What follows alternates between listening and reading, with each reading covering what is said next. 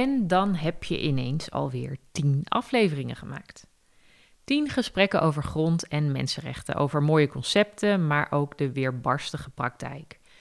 Over links die er zijn met het bestuursrecht, het vreemdelingenrecht, de rol van gemeente en die van de rechter. Het leek mij nou mooi om na tien afleveringen even de balans op te maken.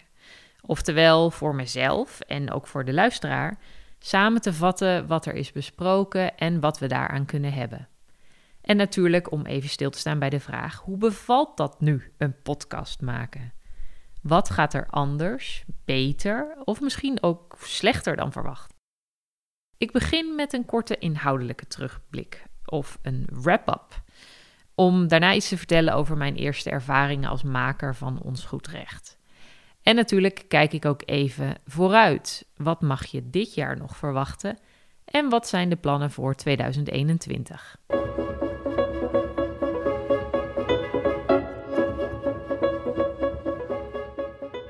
Een van de belangrijkste doelen van deze podcast was om toegankelijke informatie en een eerlijker beeld te verschaffen van grondrechten.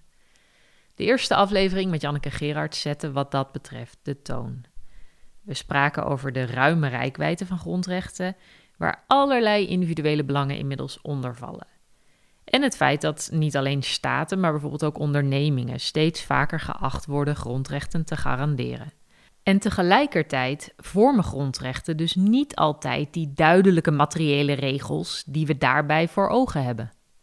Om te bepalen of een beperking van het recht op uh, respect voor het privéleven, en dat kan dan gaan om een verbod om naar een feestje te gaan, maar ook om bijvoorbeeld een toeslag die wordt stopgezet. Om te bepalen of dat gerechtvaardigd is, hebben we vaak een soort hulpnormen nodig. Denk bijvoorbeeld aan proportionaliteit of we moeten kijken naar de procedurele waarborgen die met de inbreuk gepaard gingen. En ook het recht op gelijkheid, zo vertelde Janneke, klinkt eenduidiger dan het is. We willen immers alleen gelijk behandeld worden voor zover onze situaties ook daadwerkelijk gelijk zijn. En vaak is dit nu juist niet het geval. Janneke erkent dat wat zij de uitdijing van grondrechten noemt, dat dat een risico vormt waarbij de waarde van deze bijzondere categorie rechten op het spel kan komen te staan. En zij pleiten in die eerste aflevering dan ook voor meer hybride recht. Wellicht een soort tussencategorie tussen grondrechten en niet-grondrechten, om een gepast niveau van bescherming in verschillende contexten te kunnen realiseren. Dat grondrechten overal zijn, hoorden we ook terug in afleveringen waarin uh, een link werd gelegd met het bestuursrecht en het vreemdelingenrecht. Tom Barkhuizen gaf om te beginnen een mooi overzicht van hoe grond- en mensenrechten het bestuursrecht hebben beïnvloed. En daarbinnen eigenlijk hebben gezorgd voor meer materiële normstelling en ook voor intensievere toetsing door de bestuursrechter. Die houdt zich normaal gesproken natuurlijk vrij afzijdig uh, van besluiten die door het bestuur zijn genomen. Tegenwoordig werken we aan een responsiever bestuur, hè, dat meer maatwerk moet leveren. En ook daar kunnen grond- en mensenrechten sturend zijn en ontwikkelingen naar bijvoorbeeld integrale geschilbeslechting ondersteunen. Ook in het vreemdelingenrecht kunnen we niet om grondrechten heen. Zo werd ook duidelijk in de aflevering met Lineke Slingenberg. Zij het dat daar de soevereiniteit van de staat en zijn recht om over het toelaten en terugsturen van vreemdelingen te besluiten, zorgt voor een wat lager niveau van bescherming. En dit zien we ook op het terrein van sociale rechten, waar ongedocumenteerden of mensen met een onzekere verblijfsstatus niet mogen rekenen op alle verworvenheden van de sociale rechtsstaat. En voor bepaalde uitkeringen of toeslagen bijvoorbeeld niet in aanmerking komen de spanning met mensenrechten en wat we daarmee willen bereiken is hier natuurlijk evident. Nou, en dan zien we dat ruime bereik van grondrechten ook nog terug in algemeen belangacties, ofwel public interest litigation. Belangengroepen komen op voor het algemeen belang in een procedure voor de rechter en beroepen zich daarbij op de grondrechten. Jelle Klaas geeft een inkijkje in deze praktijk aan de hand van spannende voorbeelden zoals de Siri-zaak. Want als de wetgever steken laat vallen, zo zou je kunnen zeggen, moet naast in het politieke proces wellicht ook voor de rechter een grondrechtenproof beleid kunnen worden afgedwongen. Shervi Oesman, die ingaat op het dicastocratie-debat... Uh, dat uh, volgt op spraakmakende algemeen belangacties zoals Urgenda, achtte de discussie hierover zinvol. Al moeten we daarbij niet vergeten dat de rechter in Urgenda eigenlijk niet heel veel meer doet dan het verlangen van een rechtvaardiging voor het doen en laten van de staat. En inderdaad, dat is vaak waar grondrechten tegenwoordig uh, uh, eigenlijk op uitdraaien. Niet per se het afdwingen van hele concrete, uit mensenrechtennormen volgende materiële eisen, maar gewoon verlangen van de staat dat hij in zijn beleid uh, duidelijk maakt waarom hij doet wat hij doet. En bijvoorbeeld een veel lagere reductiedoelstelling, zoals in Urgenda, in het licht van wetenschappelijke kennis en internationale afspraken, uh, kan rechtvaardigen. Maar laten we ook niet vergeten dat grondrechtenbescherming niet alleen een ding is voor de rechter. Ook wetgever en bestuur zijn steeds aan deze rechten gebonden. Zelfs ook als bijvoorbeeld sociaal-economische grondrechten, zoals het recht op sociale zekerheid, niet direct inroepbaar zijn voor de rechter. Jan-Peter Loof sprak over rechten realiseren als, als breder perspectief en het belangrijke werk dat het College voor de Rechten van de Mens doet om dit te bewerkstelligen. Want waar moet je nou precies op letten hè, als wetgever of bestuur en je wilt regels maken en besluiten nemen die in lijn zijn met wat grondrechten verlangen? En we hebben het dan niet alleen over de Rijksoverheid. Ook lokale overheden, gemeenten, komt een belangrijke rol toe. Roel de Lange vertelde over de terreinen waarop gemeenten actief zijn door de jaren heen, hoe dat uh, is veranderd. En hoe zij daarmee bijdragen aan de verwezenlijking van grondrechten. Denk bijvoorbeeld aan dakloosheidsbeleid. Daarbij geldt dat te veel differentiatie tussen gemeenten, zoals we bijvoorbeeld zien na de decentralisaties in het sociaal domein, problematische effecten kan hebben, ook in het licht van grondrechten. Zijn gemeenten zich voldoende bewust van hun belangrijke taak op dit punt?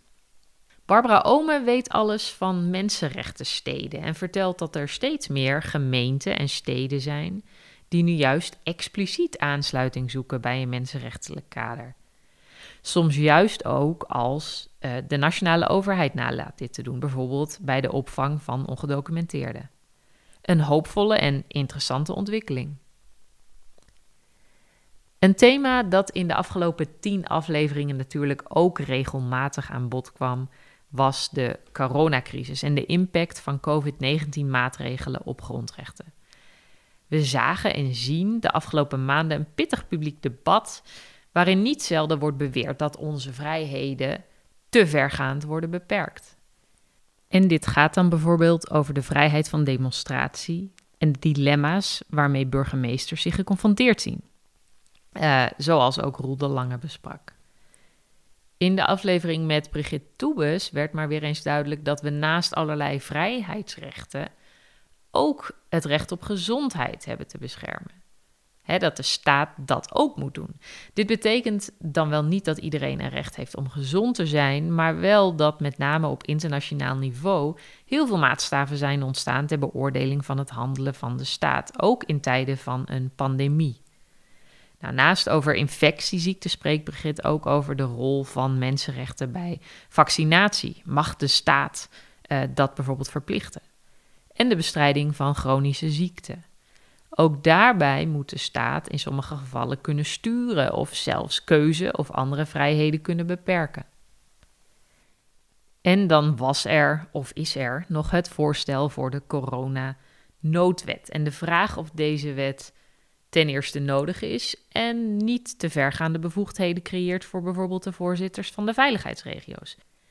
Ook dit debat gaat vaak over grondrechten, omdat beperkingen daarvan nu eenmaal een voldoende duidelijke wettelijke basis behoeven, zodat ons parlement kan meebesluiten. Maar natuurlijk probeert de staat ook middels deze wet en de maatregelen die op basis daarvan kunnen worden genomen, zijn positieve verplichtingen op het terrein van mensenrechten na te komen, zoals inderdaad weer het recht op gezondheid. En daarmee kom ik ook bij het laatste onderdeel van deze inhoudelijke wrap-up het Nederlandse systeem van grondrechtenbescherming. Met Manon Juliger sprak ik over haar proefschrift, waarin zij tekortkomingen van de Nederlandse grondwet op het punt van grondrechtenbescherming aan de kaart stelt. En dan gaat het niet alleen om ontbrekende rechten, als het recht op een eerlijk proces of behoorlijk bestuur, of de wens voor meer techniek-neutrale formuleringen die mee kunnen gaan met de tijd, maar ook over de zogenaamde beperkingssystematiek. Want je ziet eigenlijk dat veel van de verwarring in de discussie over de coronamaatregelen hiermee te maken heeft. Enerzijds stelt onze grondwet geen expliciete proportionaliteitseisen, terwijl die nu juist een belangrijk uitgangspunt vormen bij de beoordeling van de vraag of coronamaatregelen te ver gaan of niet. Anderzijds zijn er wel harde procedurele eisen. Hè. Sommige beperkingen, bijvoorbeeld van het recht op persoonlijke levenssfeer, moeten worden vastgelegd in een wet in formele zin, zoals die coronawet weer, waarover ons parlement dan heeft meegepraat. Nou, in de mondkapjesdiscussie bleek dit een heikel punt. Dat door burgemeesters uitgevaarde mondkapjesplichten ongrondwettig zijn, wil dan dus niet zeggen dat een dergelijke plicht niet mogelijk is. Maar wel werd duidelijk dat de eis van een formeel wettelijke basis uh, een obstakel kan vormen. En dat het bij het grote publiek lang niet altijd duidelijk is hoe het beperken van grondrechten in Nederland nou precies werkt. Er is onderhoud nodig aan het Huis van de Rechtsstaat. Zo liet ook Barbara Omen weten. We moeten af van grondwetfobie en onze grondwet weer echt van betekenis laten zijn. En de afgelopen tijd werd onderstreept dat dit zeker geen overbodige luxe is. En moeten we dan niet toch ook meer weer aan de slag met het toetsingsverbod? Nou, in Nederland mag de rechter op basis van artikel 120 formele wetgeving niet toetsen aan de rechten uit de grondwet. En dit wordt inderdaad aardig opgevangen door de mogelijkheid van toetsing aan de rechten uit het Europees Verdrag voor de Rechten van de Mens. Maar wat in veel afleveringen ook naar voren kwam, was dat aan deze wat gekunstelde oplossing toch wel wat haken en ogen zitten. Als we nu willen dat de staat zijn doen en laten rechtvaardigt in termen van onze meest fundamentele rechten, moeten we dat dan niet toch doen aan de hand van onze eigen grondwet? In de eerste tien afleveringen werd duidelijk dat dit onderwerp bij de experts die in de afgelopen maanden mijn gast wilden zijn, in ieder geval wel degelijk speelt. Iets om te blijven volgen dus.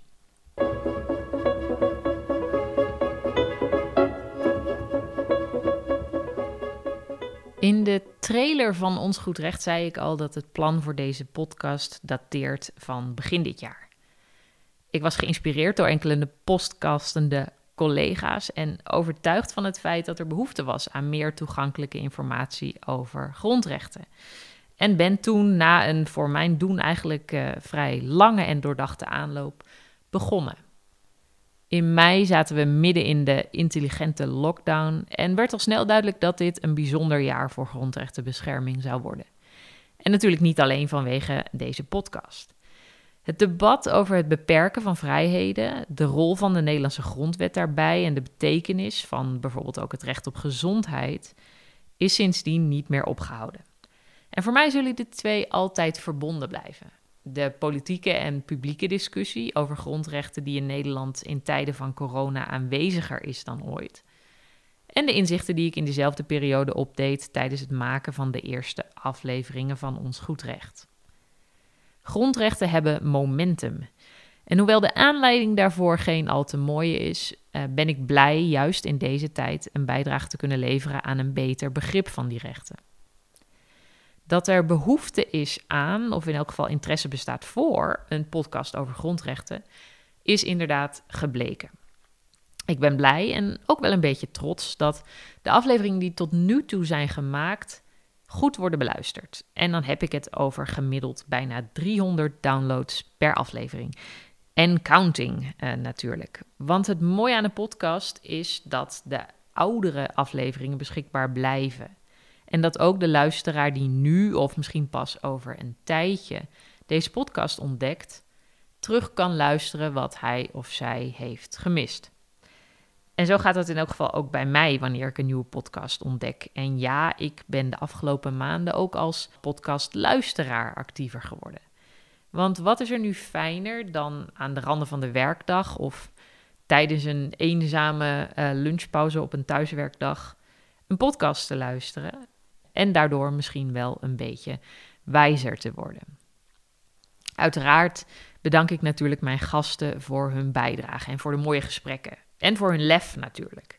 Om mee te werken aan een nog jonge, onbekende podcast. Mijn dank is groot en dat geldt ook voor de luisteraars die de podcast hebben weten te vinden. Veel juristen, zo leid ik af uit de volgers van het account van de podcast op LinkedIn en op Twitter. Maar wel uit alle hoeken van de rechtspraktijk en natuurlijk ook de nodige universitaire collega's. Bijzondere dank aan wie de moeite heeft genomen mij de afgelopen maanden via sociale media of via e-mail een bericht te sturen met feedback of met tips. Want dat helpt en is ook nodig. Ik bedoel, zo besefte ik bijvoorbeeld dat ik als interviewer of gesprekspartner, hè, wat ben ik eigenlijk, ook moet werken aan mijn eigen rol. Ben ik kritisch genoeg? Zorg ik voor voldoende toelichting wanneer het te technisch of conceptueel wordt? En ben ik daadwerkelijk in staat de link te leggen tussen verschillende punten en afleveringen? Reacties blijven altijd heel welkom. Wat is nu het uh, plan? Nou ja, ik ga door. Uh, dat wil zeggen, dit eerste seizoen ben ik van plan nog vijf interviews te publiceren, zodat we op een mooi totaal van 15 komen. En na een wat langere winterstop pak ik dan in principe in 2021 de draad weer op.